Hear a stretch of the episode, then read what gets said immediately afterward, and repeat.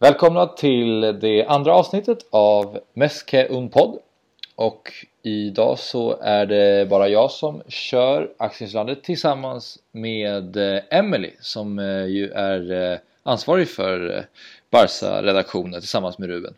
Välkommen! Tack så mycket!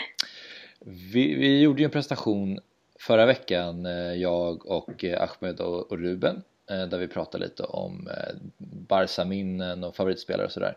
Så tänkte att vi gör eh, lite samma sak, samma upplägg.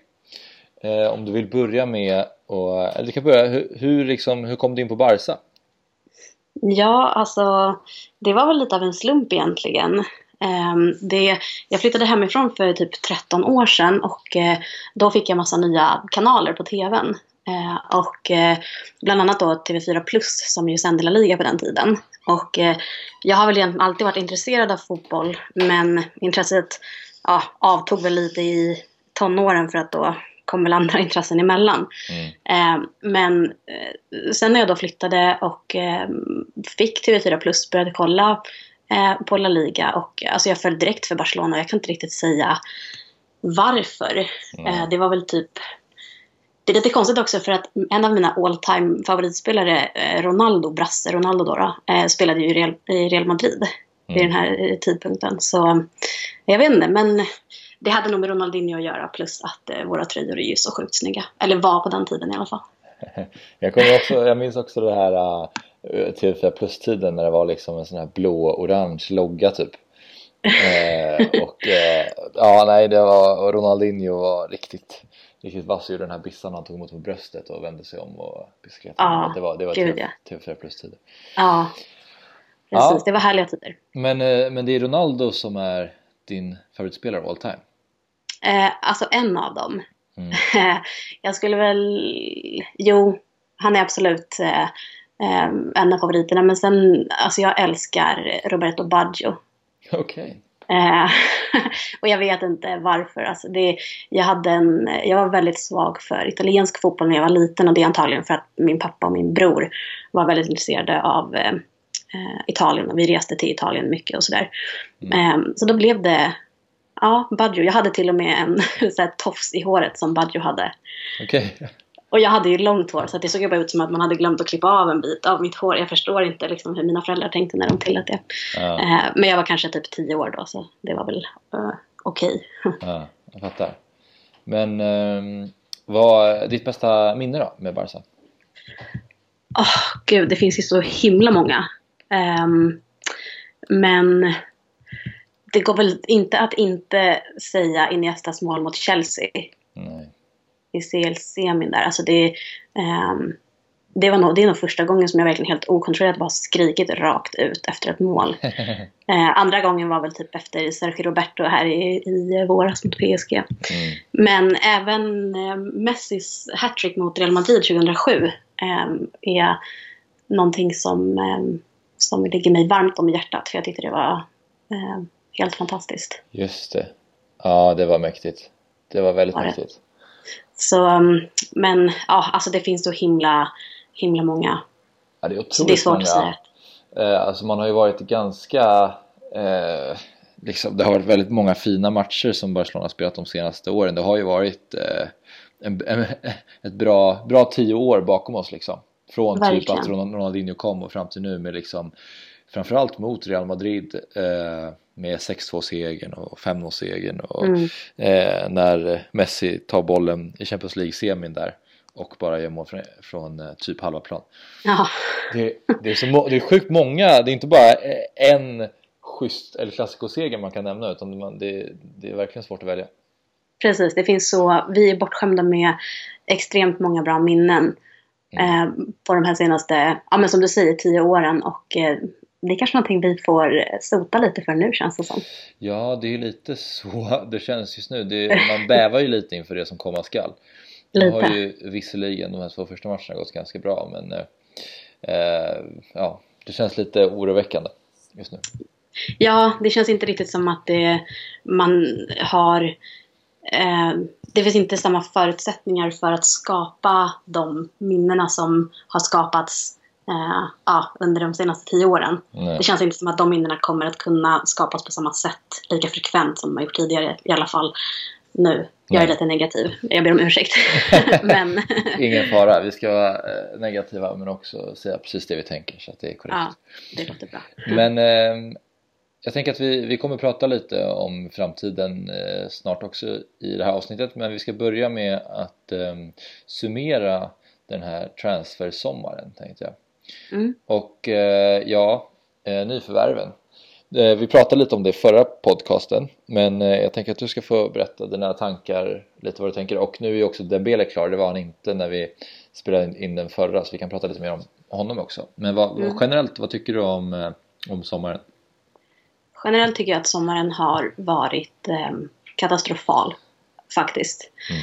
Eh, alltså framförallt om man ser på hur eh, vår klubb har agerat. Eh, kanske inte nödvändigtvis att värvningarna har varit katastrofala. Eh, för jag menar, eh, värvningen av eh, Semedo till exempel har ju känns, känns ju jättebra att vi äntligen faktiskt har en, en högerback som är ja, kanske inte kommer ersätta Dani Alves och jag vet inte om man heller ska prata i termer av att ersätta så för att alla spelare är ju sin egen spelare på något sätt men att han ändå kan eh, fylla den luckan. Det är väldigt tidigt att dra sådana slutsatser nu men, men känslan är att han ändå eh, har potential att kunna eh, fylla luckan efter Dani Alves. Mm. Eh, sen har vi ju eh, Delofeo som personligen jag tycker att det är kul att han är tillbaks.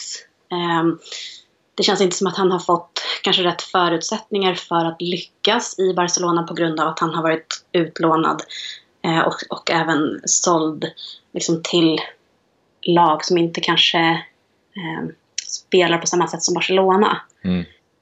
Så jag vet inte riktigt om han eh, har utvecklats så som man hade hoppats och framförallt på det sätt som eh, man hade velat för att han skulle kunna slå sig in i en startelva i Barcelona. Nej, för jag tänkte det är lite intressant, vi pratade ju om honom förra gången också, vi var alla ganska skeptiska eh, till Delofeo eh, vad jag minns. Alltså det är lite som du säger, han känns, eh, han känns okej okay, men han känns inte riktigt som att han är fortfarande, trots att han har varit utlånad nu några år och i, i, olika klubbar känns det som att han inte riktigt har nått dit man hade hoppats på när, när man väl skulle hämta tillbaka honom. Liksom. Nej, precis. Um, och det har väl kanske också att göra med val av klubb, liksom att han först gick till Everton och sen um, blev han väl också såld dit va? Uh, och därifrån lånades han ut till Milan. och uh, han var väl i och för sig en sväng i Sevilla också. Men jag vet inte om han jag tror inte att han kommer kunna slå sig in i startelvan men uh, men det känns absolut, jag tycker att det är kul att han är tillbaka i alla fall och jag hoppas verkligen att han kommer få chansen att visa upp sig här under säsongen. Mm. Um, men sen har vi också Paulinho såklart som ju inte känns som en särskilt kul värvning faktiskt. Nej. Och man ska ju inte döma ut någon innan. Han har liksom inte gjort en, jo han gjorde väl tre minuter eller någonting här eh, mot Alaves senast. Men eh, det är ju inte, det är inte hans fel att man är irriterad på den värvningen. Eh, det är ju ledningen som, eh, alltså vi har ju varit i ett desperat behov liksom av en eh, kontrollerande mittfältare, liksom en, en organisatör alla Xavi i många år. Mm. Och så förstärker vi med en mittfältare som heter Paulinho från kinesiska superligan. Liksom totalflopp mm. i Tottenham. Ja. Mm. Jag vet inte, jag antar att du håller med där. Ja, alltså jag tycker, jag tycker att jag är nog mer positivt inställd till Paulinho än vad de flesta är för jag tycker ändå att han eh, av det som jag har sett av honom så tycker jag ändå att han är ganska bra. Och även så här, han spelar ju från start i brasilianska landslaget och det finns många bra brasilianska spelare så det är inte helt lätt och han gjorde mål nu senast. Men samtidigt så är det ju så här han är inte riktigt den som Barca behöver och han är inte riktigt Barca bra även om jag tycker att han är bra. Och framförallt så känns det som att den värvningen av honom skulle kunna ha accepterats och känns okej okay om transfermarknaden i övrigt hade varit bra. Att han hade kommit in som ett, liksom ett komplement och men, ja, men det är bra vi får in en, en till innermittfältare även om han kanske inte är den utpräglade. Om vi hade fått in kanske Verratti också och Paulinho kommer där till då hade det känts okej. Okay, men nu blir det som att han är en del av den här räddningen för att Real Madrid inte ska springa ifrån oss för långt liksom. Och det känns som att han är inte lösningen, han är snarare ett komplement. Men just nu blir det som att det är för stor vikt vid honom på något sätt. Ja, precis och att då när ledningen går ut och säger att ah, men, eh, nu ska vi, vi ska värva en mittfältare och eh, sen jagar man liksom Verratti jättelänge och eh, så skiter det sig och så sen väljer man att ta in Paulinho för 40 miljoner euro. Det mm. är, jag tycker att det är eh, helt eh, alltså, oacceptabelt. Och mm. sen betyder inte det att Paulinho är en dålig spelare. Eller att han kommer göra det dåligt för Barcelona. Men faktum är att vi har ju typ nio mittfältare nu och sen har vi ju Alenia som står ändå på tröskeln liksom in till A-laget känns det som. Mm. Och eh, det känns, det är orimligt. Ja. att vi har så himla många eh, mittfältare och ändå i princip har vi ingen mittfält. Alltså det är nästan lite ironiskt faktiskt. Ja, jag håller verkligen med. Det känns verkligen som att man tänker så här, vad har vi för mittfältare? Och sen som du säger, ja vi har en väldigt massa men, men det är ingen riktigt som är superbra. Och de som ska vara bra, eller Iniesta till exempel, han känns ju också som att han är på väg lite utför så han, det är lite sorgligt just nu. Jo precis, men sen kan man se hur han presterar ju hur bra som helst i Spanien liksom, där han ändå har ett gäng med vettiga eh, mittfältare och spelare runt sig. Mm. Så att jag tror att mycket med Iniesta också handlar om eh, miljön, spelidén såklart, sättet som eh, Luis Enrique har utnyttjat honom på där man verkligen inte har fått ut i princip någonting av honom. Och mm. samma sak med Busquets liksom. Mm. Eh, ja. Uh, nej men jag håller, jag håller helt med. Vad tror du om uh, Dembélé då? Jo, han känns jättespännande. Det, det tycker jag verkligen. Mm. Men uh, jag tycker att uh, jag är extremt missnöjd med att man betalade så mycket pengar för honom. Mm. jag tycker inte att det är okej. Okay. Jag tycker att den här marknaden eh, som har uppstått framförallt nu den här sommaren är helt sinnessjuk. Och när, när Barcelona vär, värvar Dembélé för, alltså inklusive variabler kan det bli en och en halv miljard kronor, alltså typ 150 miljoner euro. Man, man, är ju, alltså, man är ju själv en bov i det här. Man kan inte bara skylla på PSG eller Manchester City när man själv betalar eh, upp mot en och en halv miljard för en spelare. Nej. Då kan man liksom inte skylla ifrån sig och säga att det är andras fel. Nej. Och säga att ja, men vi bara anpassar oss efter marknaden. Ja, absolut, så är det. Men samtidigt tycker jag, och jag är både, ska vilja säga att jag är både idealist och romantiker. Jag tycker att då är det mycket bättre att man själv då struntar i marknaden och säger att vi vill inte vara med på det här, jag tänker inte betala, vi tänker inte betala liksom den här summan för spelaren. Då kollar vi inuti, vad har vi i La Masia? Mm. Och så ger vi chansen till ja, någon Canterano istället. Mm. Det tycker jag. Och eh, sen är det kanske inte rätt väg att gå heller. Men då är man i alla fall inte med och upprätthåller den här sjuka marknaden som har blivit. Nej, jag håller helt med. Det är verkligen så här. Man kan ju säga vad som helst, men just det där att eh, man inte vill vara del av den transfermarknaden. Det är så här, den, Barcelona har ju varit en del av den typen av transfermarknad hur länge som helst. Och det är en sak att säga det typ, ponera att det hade varit eh, 2000 vad var det, 2009 när Ronaldo blev värvad för typ en miljard till Real Madrid. Mm. Eh, då, då var det ju så här, oj vilken otrolig transfersumma men nu känns det som att det, summorna har liksom ingen betydelse längre. Det är bara att man vet ju att PSG har hur mycket pengar som helst. De, de lägger de pengarna de behöver för att värva de peng, spelarna de vill. Och då känns det som att det är mycket viktigare för Barcelona att hänga med där och eh, värva till exempel Coutinho även om det var som om Liverpool ville ha 200, vad sa de, hur mycket ville de ha? 200 miljoner euro?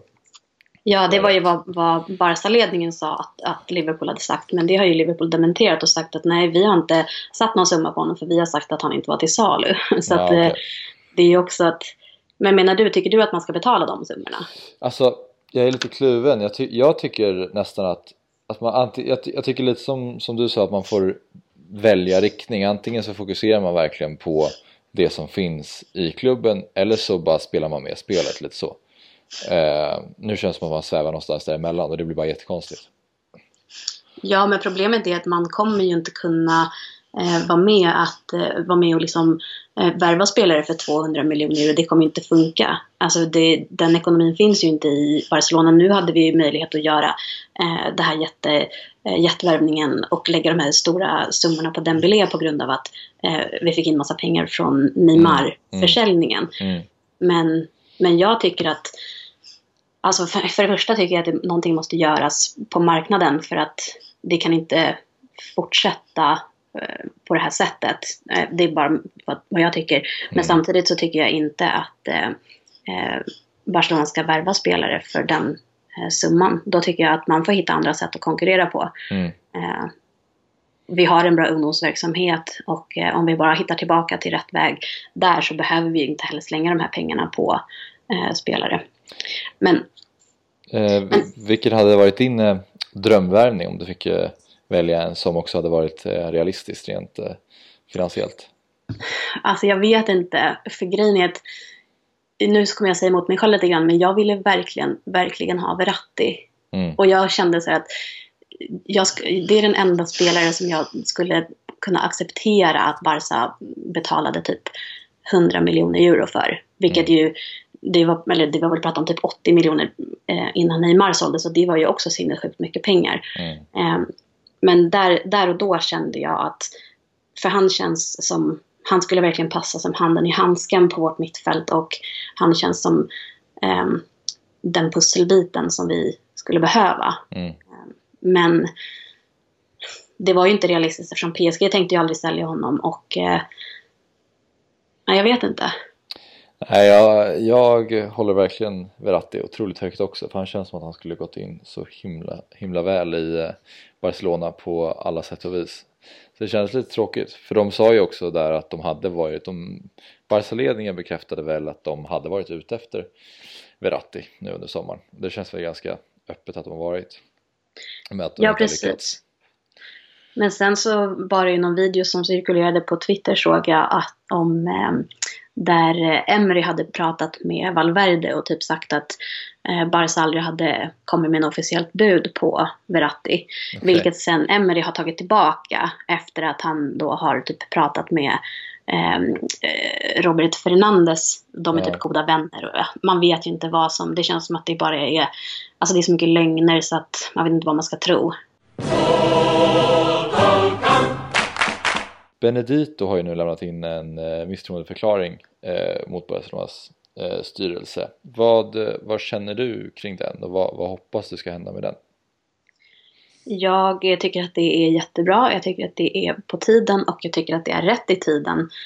För att det känns som att lite grann det är nu eller aldrig med tanke på att förra säsongen slutade lite tråkigt. Även om vi nu tog hem eh, kåpan så känns det ändå som att det var inte... Eh, vi åkte ut med dunder och brak ur Champions League och, och ehm, eh, Real vann ligan och Champions League. Så det är klart att det var inte en kul säsong för oss. Plus att vi nu kommer från en ganska eh, dåligt eh, hanterad sommar dessutom. Så det känns som att den, eh, den ligger verkligen rätt i tiden. Är det någon gång det ska ske så är det nu. Mm. Jag hoppas att det kommer ske. Jag hoppas att Benedito kommer få ihop de underskrifter han behöver för att kunna ta det här vidare till en omröstning och att i omröstningen så röstar medlemmarna för att eh, Bartomeu och ledningen ska avsättas. Mm. Eh, ja, jag håller med om att eh, de behöver ifrågasättas. Däremot tänker jag att de, de nämnde någon, eh, kort att de kände att det kom lite att det kom i ett dåligt läge bara eftersom säsongen nu hade dragit igång. Och det kan jag hålla med om lite grann att eh, jag, jag, tycker att den behövs, misstroendeförklaringen, men kanske att man gör den efter säsongen och ser Alltså för nu är ju värvningarna gjorda och det är liksom det, är det här laget vi har att röra oss med under säsongen och att man då kör det fullt ut och ger dem eh, det liksom bara förtroendet över den här säsongen och sen kanske det går åt helvete men det kanske går bra. Men förmodligen kommer det inte gå, gå så bra men åtminstone kan man ändå behålla någon form av lugn kring klubben.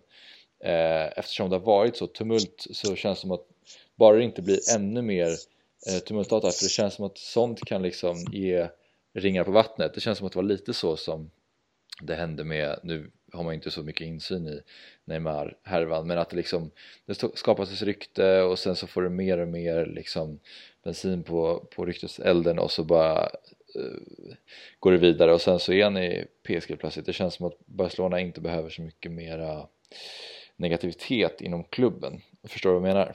Mm, jag förstår precis vad du menar och till viss del så kan jag säga att jag håller med eh, på så sätt att, att eh, eh, alltså klubben det, det gungar ju lite grann i klubben. Alltså det, är, det känns som att det inte är så stabilt och eh, eh det blir ju det känns som att den här misstroendeförklaringen skapar ju mer instabilitet i klubben och alltså, i, i förlängningen även då på laget såklart. För det påverkar ju såklart eh, laget och spelarna och det påverkar ju alla. Mm. Eh, däremot så tycker jag ändå att nu är, alltså vill man lyckas med det här så tycker jag att nu är rätt tid att göra det. Eh, väntar man till, låt oss säga efter säsongen, så känns det som att det finns en risk att eh, eller chans beroende på hur man nu ser på det, men att eh, någonting händer under säsongen som gör att, eh, låt oss säga att vi vinner Champions League. Mm. Och sen har vi den här misstroendeförklaringen. Alltså då kommer det bli eh, som presidentvalet 2015 igen. Som där Bartomeu valdes till president mycket tack vare att eh, Barca tog trippen 2015. Mm. Och hade, hade vi inte gjort det så är jag inte säker på att Bartomeu hade suttit kvar. Alltså, så att förstå att jag är lite orolig för att, mm. att om, om vi, vi vinner någon titel i år, mm. eh, att det då skulle göra att om man lägger eh, misstroendeförklaringen efter säsongen mm. så finns det risk att den kommer inte falla eh, så bra ut, eller så som jag vill, eh, vilket ju är. Eh, jag vill ju se Bartomeus avgång, jag hade velat se den innan han ens blev president. Men... Mm. Jag fattar. Jag fattar vad du menar. Samtidigt om de eh, säger att de vinner ligan och kuppen då har de ju ändå gjort någonting rätt med om så att typ att Dembélé går in och, och faktiskt levererar jättemycket och så. så alltså jag håller med om att de kanske har de har liksom gjort sitt nu eh, men samtidigt så är det ju titlarna man är ute efter om de gör en väldigt bra säsong då kanske de ändå det finns någonting som de gör rätt liksom. Fast jag... ja där måste jag ändå faktiskt säga att jag inte riktigt håller med. Visst, titlarna spelar roll. Eh, men jag måste ändå säga att det viktigaste för mig är att känna den här kopplingen till klubben, vilket jag alltid har känt.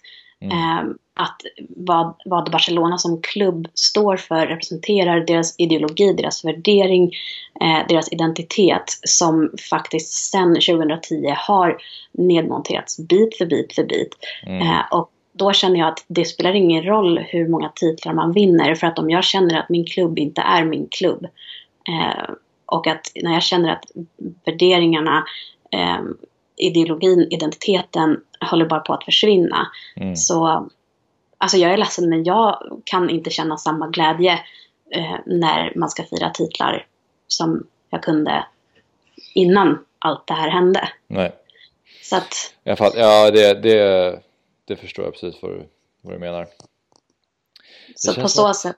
Det känns som att det generellt är så lite grann kring världsfotbollen just nu i och med att liksom eh, det är så mycket pengar och spelare liksom florerar i så många olika lag och det känns som att det finns inte så många som är kvar i ett och samma lag längre och de spelare med hjärta håller på att försvinna liksom. Då känns det verkligen som att det är svårt att, att bli jätteglad över över titlar och sen blir det ju extra då som du säger eftersom den identitet som Barca hade bara för ja, fem, sex, sju år sedan i alla fall med, med liksom när Xavi var kvar i klubben till exempel. Mm. Den är ju som bortblåst nästan. Ja men den är det och det är väl därför, det är därför jag känner att även om, alltså låt oss säga att vi vinner trippeln i år. Jag tycker inte att det på något sätt Alltså på, på ett sätt är det väl kanske visst eh, lite ledningens förtjänst. Eh, alltså till en viss nivå liksom. Men jag tycker inte att de ska ha cred för att till exempel Messi tar oss till eh, ja men säg att Messi leder oss till Champions League-final och eh, eh, ligatiteln. Mm. Och så kanske det inte är, men jag menar det är ju Messi som, som leder oss till det mesta nu. ja, och, och eh, ärligt talat har ju inte nuvarande ledning någonting med honom att göra eh, överhuvudtaget. Alltså när Nej. det kommer till att ha fått in honom i klubben liksom. Eh, och vem vet, de kanske också blir de som eh, får bort honom om han nu inte skriver på sitt nya kontrakt. Vilket ju de hävdar att han har gjort. Mm. Vilket han ju inte har gjort, så det är bara ännu mer lögner liksom. Ja, gud, det där också, den där härvan med hans kontraktsituation. Och det är så märkligt att det är så här, att eh, de påstår ju också, Bartomeus säger väl att han inte har skrivit på för att det har varit så mycket annat. Eh, ja. Sen juni liksom. Ja, det har gått två månader, det känns som att det går väl att hitta eh, ja, en kvart av vad det nu tar att skriva på Eller hur? Jag vet inte. Eh, men det finns tydligen inte just nu. Eh, Nej, och så är det ju inte. Jag tror verkligen inte Alltså tror du på det han säger? Nej, just där känns det som att det måste finnas någonting annat som skaver. Ja, alltså jag, jag tror eller var, varför tror du att Messi inte har skrivit på ännu? Jag vet faktiskt inte, jag har inte riktigt spekulerat i det. Vad, vad tror du? Alltså jag tror att han ändå på något sätt känner att han vill avvakta och se lite grann. Jag tror dels att han ville avvakta för att se vad som skulle hända under sommaren. Um, för att enligt rykten, och det här får man väl ta med, med hur mycket salt man nu vill, uh, men så skulle ju vissa, Piqué ska ju ha sagt att uh, spelarna visste att Neymar planerade att lämna redan, um, redan i början av sommaren. Alltså när Messi gifte sig där i slutet av juni. Mm. Um, och jag vet inte om det stämmer eller inte, men det känns som att att Messi kanske väntar med att skriva på kontraktet. Dels för att han ville se hur klubben agerade under sommaren. Eh, vilket ju enligt mig var ganska, eh, väldigt dåligt agerat. Men att eh, han också faktiskt väntar med att skriva på för att han inte vill ge eh, det för det blir ju som att han ger ett offentligt stöd till Bartomeu om han nu skulle skriva på. Mm. Eftersom den här misstroendeförklaringen eh, liksom nalkas här nu. Mm. Och att han inte gör det, ja, jag vill tro att det är som en sorts tyst eh, protest och en, en, ett typ indirekt stöd av eh, Beneditos misstroendeförklaring. Ja, men det känns väl lite som att det är den enda rimliga förklaringen till det eftersom så här, om han vill vara kvar i klubben då är det väl bara att krita på liksom. Precis. Eh, ja, så att eh, nej, men det ligger nog ganska mycket i det du säger. Han, det man har hört eh, via ryktesvägen så verkar han inte helt nöjd med det som har hänt liksom. Och han har ju, det känns ju som att han har tagit spelarnas parti lite grann i och med bilder på sociala medier och sånt där liksom. Ja men precis, att klubben liksom eh, stämmer eh, Neymar och det är så, eh, det är så, jag tycker inte att det är inte, det är inte värdigt Barcelona att, eh, att agera så här faktiskt. Mm. det är faktiskt nästan som man man skäms lite grann. Och det är liksom, jag älskar den här klubben av hela mitt hjärta och hela min själ verkligen. Men jag tycker ändå man måste kunna kritisera om det finns fog för det. Ja, du är skoningslös i din kritik, jag gillar det. ja, nej men faktiskt, jag tycker att det är, man kan inte bara blunda för och liksom säga att allt är guld och gröna skogar när det inte är det. Nej, nej, det är, det är helt sant. Men får jag fråga, tror du att han kommer lämna Messi eller tror du han kommer skriva på? Nej, jag tror att han kommer vara kvar i klubben för att det känns ändå som att han eh, är, alltså det känns som att han borde inse hur, hur länge han har varit i klubben, hur, han kan ju bli en sån enorm klubbikon och det känns som att man, han förstör en hel karriär om han plötsligt skulle gå till liksom Manchester City. Eh, det känns som att det finns ingen riktigt och Barcelona är fortfarande så pass bra att de, det är en klubb som konkurrerar om, om de största titlarna. Så att det, det, om han skulle gå någonstans så känns det som att det finns ingen riktig logik i det mer än att han inte är nöjd med hur styrelsen hanterat det. Men det är så här, jag tycker inte att det känns riktigt nog för att lämna. Men tror du att hans eh, nej jag tror inte att han kommer lämna. Eh, det tror jag faktiskt inte. Men... Men, men jag ska säga att det, jag har aldrig varit eh, så här liksom orolig för någonsin. Alltså det känns som att han lär vara närmare nu än någonsin tidigare i alla fall. Ja, det tror jag definitivt. Och mm. det, nu skulle han ju dessutom kunna lämna gratis nästa sommar. Ja, jag vet. Det, det är också oroväckande. och det skulle ju svida såklart. Alltså även om inte jag skulle vilja sälja honom för några pengar i världen så eh, skulle det ju verkligen svida att tappa honom gratis. Mm. Och det är ju ett, ett, stort misslyckande som ledningen får ta på sig tycker jag. Ja, Nej, men det känns men, om man eh, bara flika in att om man kollar på typ eh, Eh, Neymar eller eh, Ronaldo eller andra sådana spelare som har de summorna kring sig så har de redan gjort så pass många klubbyten och inte riktigt, eller Ronaldo har väl inte gjort så många men i alla fall mellan United och, och Real att liksom så här, han är så förknippad med Barcelona vid det här läget att om han skulle gå till en annan klubb nu så skulle det verkligen förstöra hans rykte på så många plan så jag tycker inte att det känns eh, rimligt liksom. Nej, men tycker du att hans eh, typ status som ikon i Barcelona skulle eh, försvinna eller bli mindre om han skulle gå till typ City i sommar, nästa sommar? Ja, tveklöst. Alltså, han skulle ju fortfarande vara älskad och, och hyllad eh, eftersom han är liksom eh, har slagit typ alla rekord som går att slå. Men eh, det, jag tror faktiskt fortfarande att folk skulle, det skulle gnaga rätt mycket på, på dem, eh, på fansen. Eh, det skulle mm. i alla fall eh, gnaga i mig, det kan jag säga direkt. För det känns bara poänglöst på något sätt att gå till, om man säger till exempel Manchester City. Mm. Vad, vad, hur känner du? Alltså jag känner att Messi har gjort så oerhört mycket för Barcelona att även om han skulle gå till City typ gratis nästa sommar så det, alltså det skulle nog inte påverka min syn på hans status i Barcelona eller hans liksom, legend eller ikonstatus. Jag tror faktiskt inte det. Det är klart att jag okay. skulle vara besviken såklart. Men, men på, på något sätt så skulle jag ändå förstå honom beroende mm. på hur det går med, med den här misstroendeförklaringen och så. För att just nu, och ärligt talat de senaste åren så har det inte riktigt känts som att Barcelona har någon sportslig plan, alltså någon långsiktig sportslig plan, ett projekt som man tror på och som man verkligen eh, investerar liksom, tid och, och, resurser och pengar i. Utan det, är, det känns som att det är liksom bara lite planlöst eh, mm. eh, agerande. Och eh, han är ju liksom i slutet av sin karriär som fotbollsspelare och eh, ska han då slänga bort dem på, på ett, eh, ett lag och en klubb som inte riktigt eh, har någon tydlig framtid, eh, eller en tydlig vision av framtiden.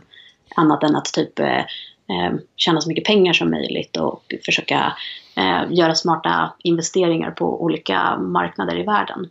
Ja, nej, jag förstår vad du menar. Men jag, jag, jag tror fortfarande att han är jag tänker att han, han är ändå så mycket eh, Barcelona och eh, att jag tror inte att han själv skulle vilja gå till någon annan klubb för jag tror att han fortfarande känner att Barcelona än så länge har så pass mycket att ge sportsligt också.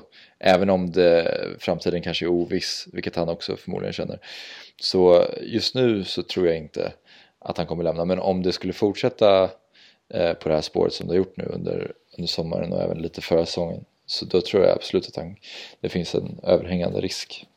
Och det vore ruggigt. Jag, ty jag tycker att det vore deppigt och det skulle gnaga rätt mycket på mig. Alltså för det känns lite... Eh, ponera att Barcelona skulle fortsätta vara typ som de är just nu i alla fall. Ett, eh, ett topplag internationellt. Då tycker jag att då finns det ingen poäng att gå. Men om de skulle falla ännu längre ner med hans, med hans kvaliteter då förstår jag att han vill fortfarande spela på, på en hög nivå. Liksom. Mm. Jo, nej men det, det håller jag med om. Och sen kan jag säga att jag skulle gråta av blod om jag skulle se honom en, dra på sig en City-tröja. Men, mm. eh, men jag skulle inte klandra honom för det. Nej, jag förstår. Det skulle jag inte. Då tänker jag att vi förflyttar oss vidare till eh, eh, det som faktiskt har hänt den här säsongen. De två matcher vi har spelat i ligan. Två stycken matcher, eh, sex poäng, två stycken 2-0-segrar. vad, vad tycker du eh, om det Barcelona som du har sett de här två matcherna? Um, jo, jag tycker att det har, framförallt i, i premiären eh, så tyckte jag att det såg bra ut mot Bettis där. Uh, eller bra ut, ja, jag tyckte att det såg, eh, såg ganska bra ut faktiskt. Mm. Um, matchen mot Alaves var väl kanske inte fullt lika bra, tycker jag. Men, mm. men jag menar, vi har efter två matcher så har vi sex poäng och eh, noll insläppta. Mm. Så det är klart att det är ju, resultatmässigt är det ju absolut väldigt bra. Verkligen. Eh, jag håller helt med. Jag tycker faktiskt att det känns, alltså man har ju så, så mycket negativitet som kretsar kring klubben men så känns det ändå som att på plan så har det ändå gått bra. Eh, sen har det väl inte varit några världsklassinsatser men eh, jag tycker att det har känts stabilt och det är ganska kul att de håller nollan för det känns som att Barcelona ofta, det, det känns inte helt vanligt att Barca vinner med 2-0, 2-0 det känns snarare som att de vinner med 6-2 eller 7-1 liksom. Att det är mm. många mål gjorda men också lite insläpp för det är sån sån liksom totalfotboll på något sätt. Men eh, om, om eh, Barcelona lyckas spela lite mer kontrollerande så skulle det verkligen vara fördelaktigt. Verkligen Verkligen. Men nej, men det, alltså, det är klart att det är bra med, med två segrar på två, de två inledande matcherna och noll insläppta mål. Det är, det är absolut. Vi har fått en bra start eh, i ligan. Och eh, inte minst kanske med tanke på att ju eh, Real Madrid tappade poäng mot Valencia. Precis, det var ju härligt. Det kan vi nämna som en glad ja. Precis, eh, så då är det ju och nu ska vi kanske inte bry oss om dem så himla mycket men eh, det är ju ändå vår största eh, rival och antagligen det lag som vi kommer eh, slåss om när det gäller eh, titeln, ligatiteln. Mm. Ja, jo, verkligen. Um, nej, men det som, om man ska höja något litet varningens finger så är det väl att uh, båda matcherna känns ju som att det ändå är Messi som har varit tok dominant i Barcelona. Han gjorde ju båda mm. målen mot Alaves liksom. Uh, och mot Betis så var han ju, sköt han väl 16 000 gånger i stolpen liksom. Mm, Men, precis. Eh, och var ruggigt bra där också. Så att eh, de, eh, om man till exempel kollar på Delofeo så har väl inte han rosat marknaden riktigt än i, i ligan. Men eh, jag tänkte... Han gjorde det väl bra mot Betis, eller hur? Han, det, det började ganska dåligt för honom. Eh, tyckte jag. Men sen, ja. så, sen så tyckte jag han vaknade till liv och faktiskt eh, ehm, blev det inte två assist för honom eller blev det en bara? Nej, jag kommer inte ihåg. Men jag vill minnas att, att han... det blev en. Ja. Men jag uh, vet inte exakt. Jag men... tyckte han ändå kändes, um, efter en, en dålig typ första kvart, typ 20 minuter kanske, så tyckte jag han vaknade till och såg, uh, såg bra ut. Ja, men det är kul att du är positiv. Jag, jag, är, jag är väldigt uh, skeptisk till uh, Delofeo som fotbollsspelare. Har alltid varit, alltså, jag, jag gillar hans energi på plan, men uh, jag tycker att han är lite för yvig för sitt eget bästa. Han eh, liksom, det känns inte som att det finns någon riktig plan när han kommer med bollen och ska försöka utmana en, eh, en motståndare. Om man ska jämföra med till exempel Neymar som i och för sig är sjukt duktig fotbollsspelare. Men ett... Ja, det är lite taskigt att jämföra honom med ja, Neymar faktiskt måste jag säga. Men, det Men det, det, blir, det är svårt, ofrånkomligt när de liksom byts av så tydligt Absolut. i samma roll. Men eh, om man eh, kollar på de spelare som vi har nu då, hur skulle du ställa upp en, liksom, hur skulle din elva se ut som du, som du vill ha den? Åh oh, gud vad svårt. Um, jag har faktiskt funderat en del på det här just med tanke på hur ska vi alltså, forma eh, laget och så. Och med tanke på att Valverde vill ju gärna se, eller han förespråkar ju typ 4-2-3-1 och eh, det har vi ju fått se lite grann.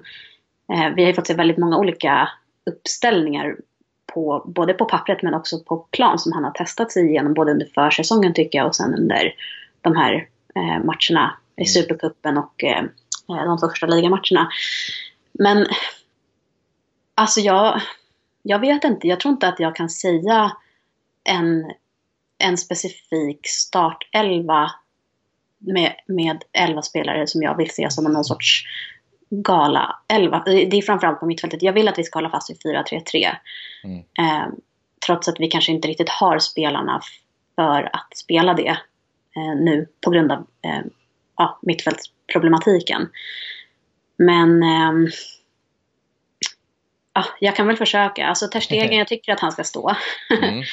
Eh, jag tycker att Stillesen har gjort det ruskigt bra varje gång han har fått chansen. Men jag ser ändå Terstegen som en framtidsman. Och sen om han inte um, lever upp till förväntningarna då tycker jag absolut att nej men bänka honom och, eh, och ge förtroende till Sillesen. Men fortsätt, ja Ter Stegen borde få, få förtroendet nu i alla fall tills att han visar att han inte eh, förtjänar det. Mm.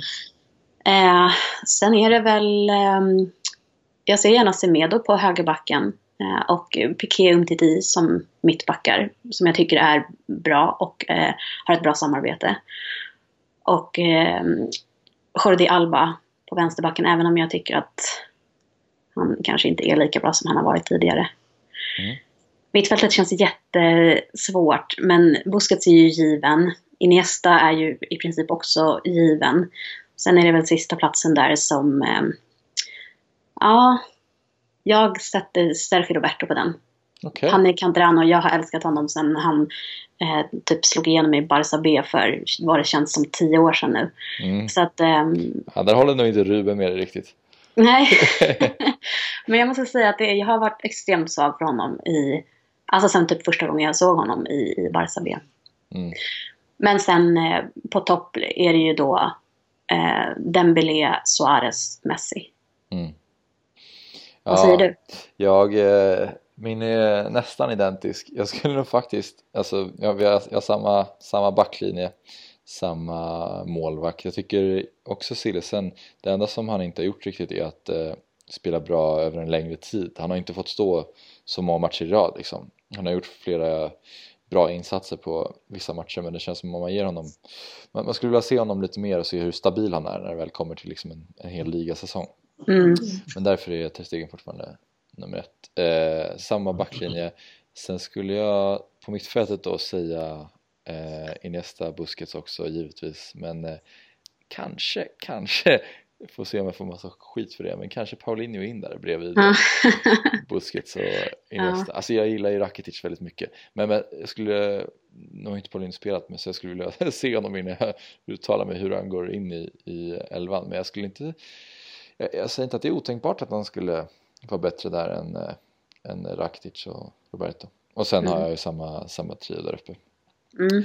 men apropå bara Dembélé eh, det ska ju bli väldigt spännande att se honom jag tänker, först tänkte jag spontant när han kom att han är lite eh, han är inte riktigt lika finurlig liksom eh, som han kanske borde vara för att kunna spela i Barca och inte van vid eh, att spela med spelare som typ Messi och Suarez. Men sen, för att han känns mer som att han är en djupledsgående spelare som, som jobbar hårt i, i djupled och, och verkligen eh, springer på mer Dortmund kontringsspel så.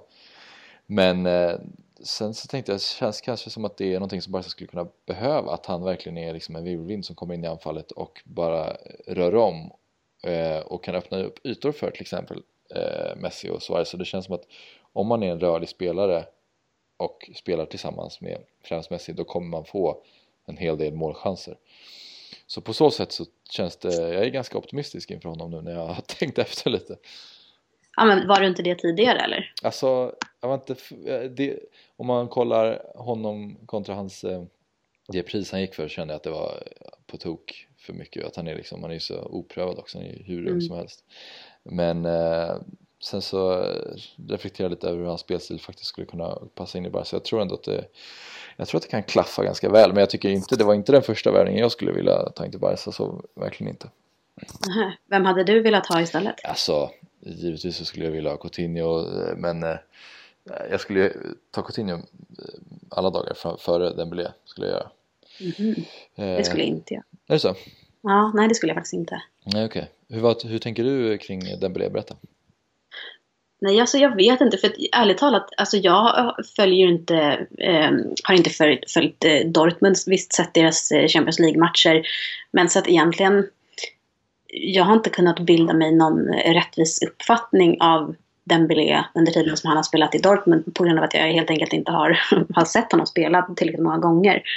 Eh, men av det jag har sett så verkar han ju definitivt vara en väldigt ehm, eh, eh, alltså han verkar ju vara liksom en, en dribbler om man säger så. Då. Han, han, eh, eh, han verkar vara snabb, han verkar kunna eh, lägga rätt bra passningar ändå vad jag har sett. Mm.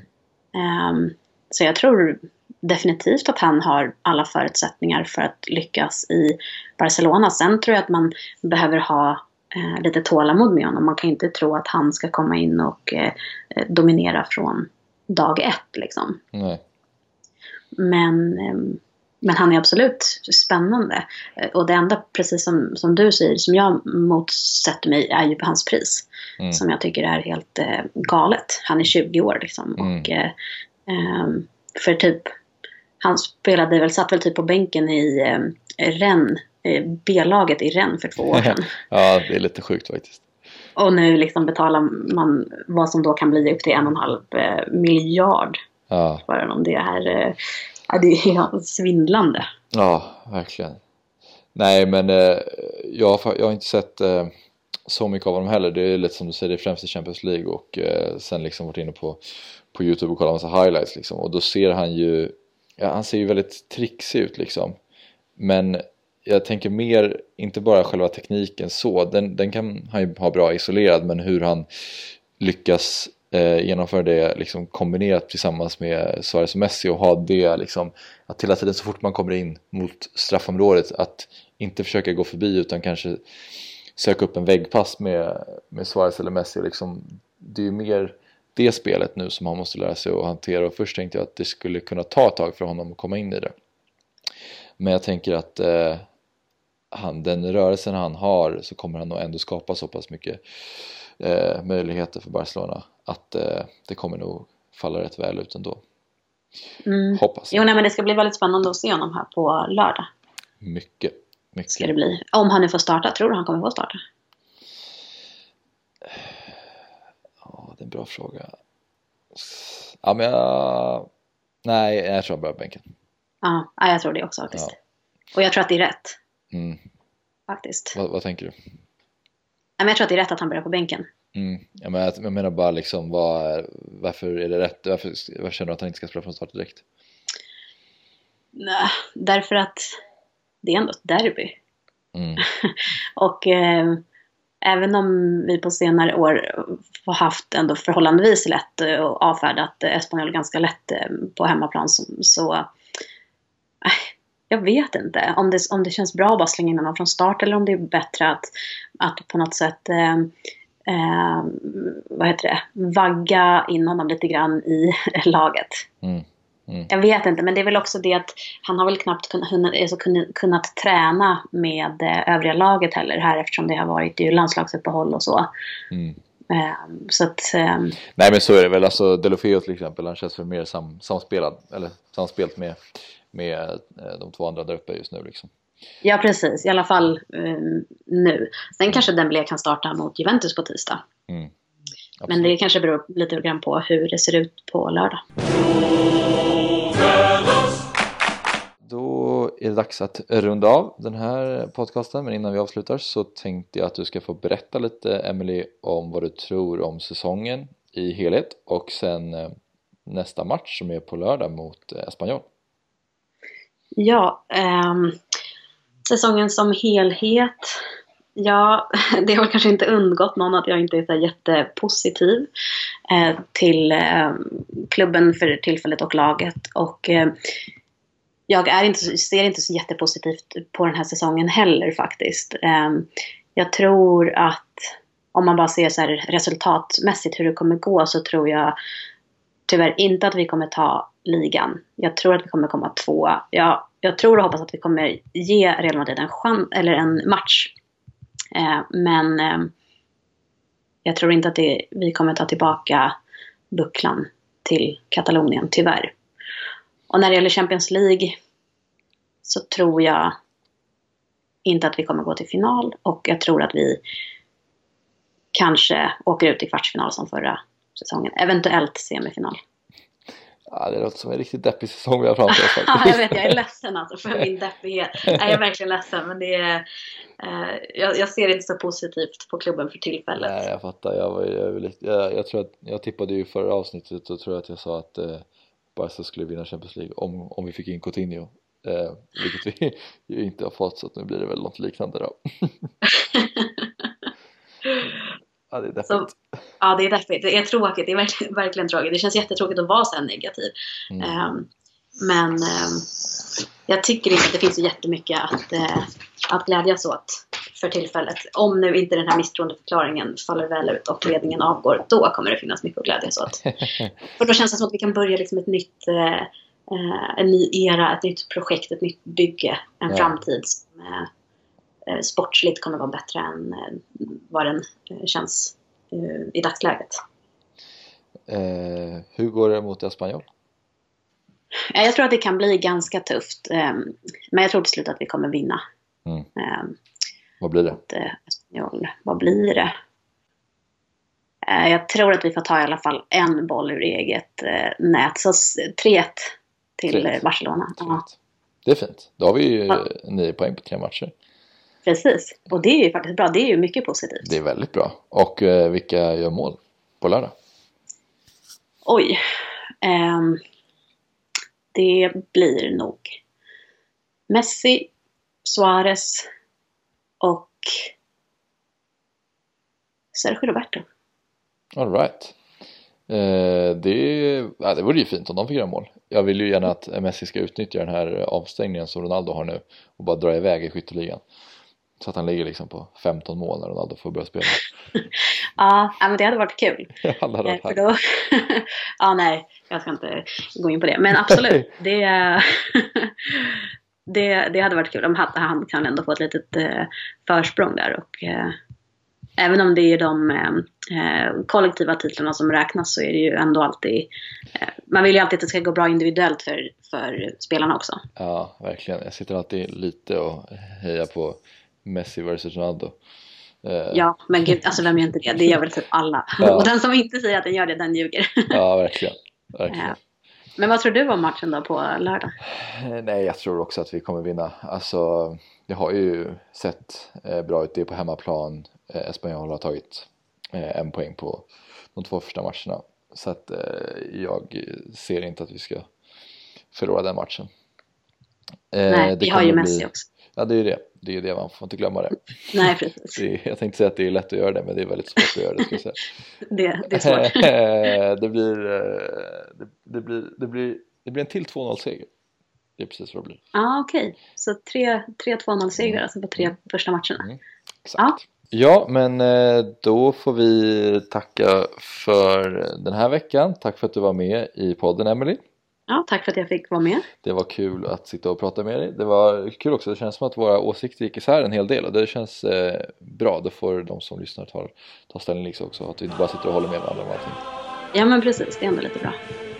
Eh, så tack för det och tack för den här veckan så ses vi väl igen om eh, två veckor. Ha det fint! Ha det bra!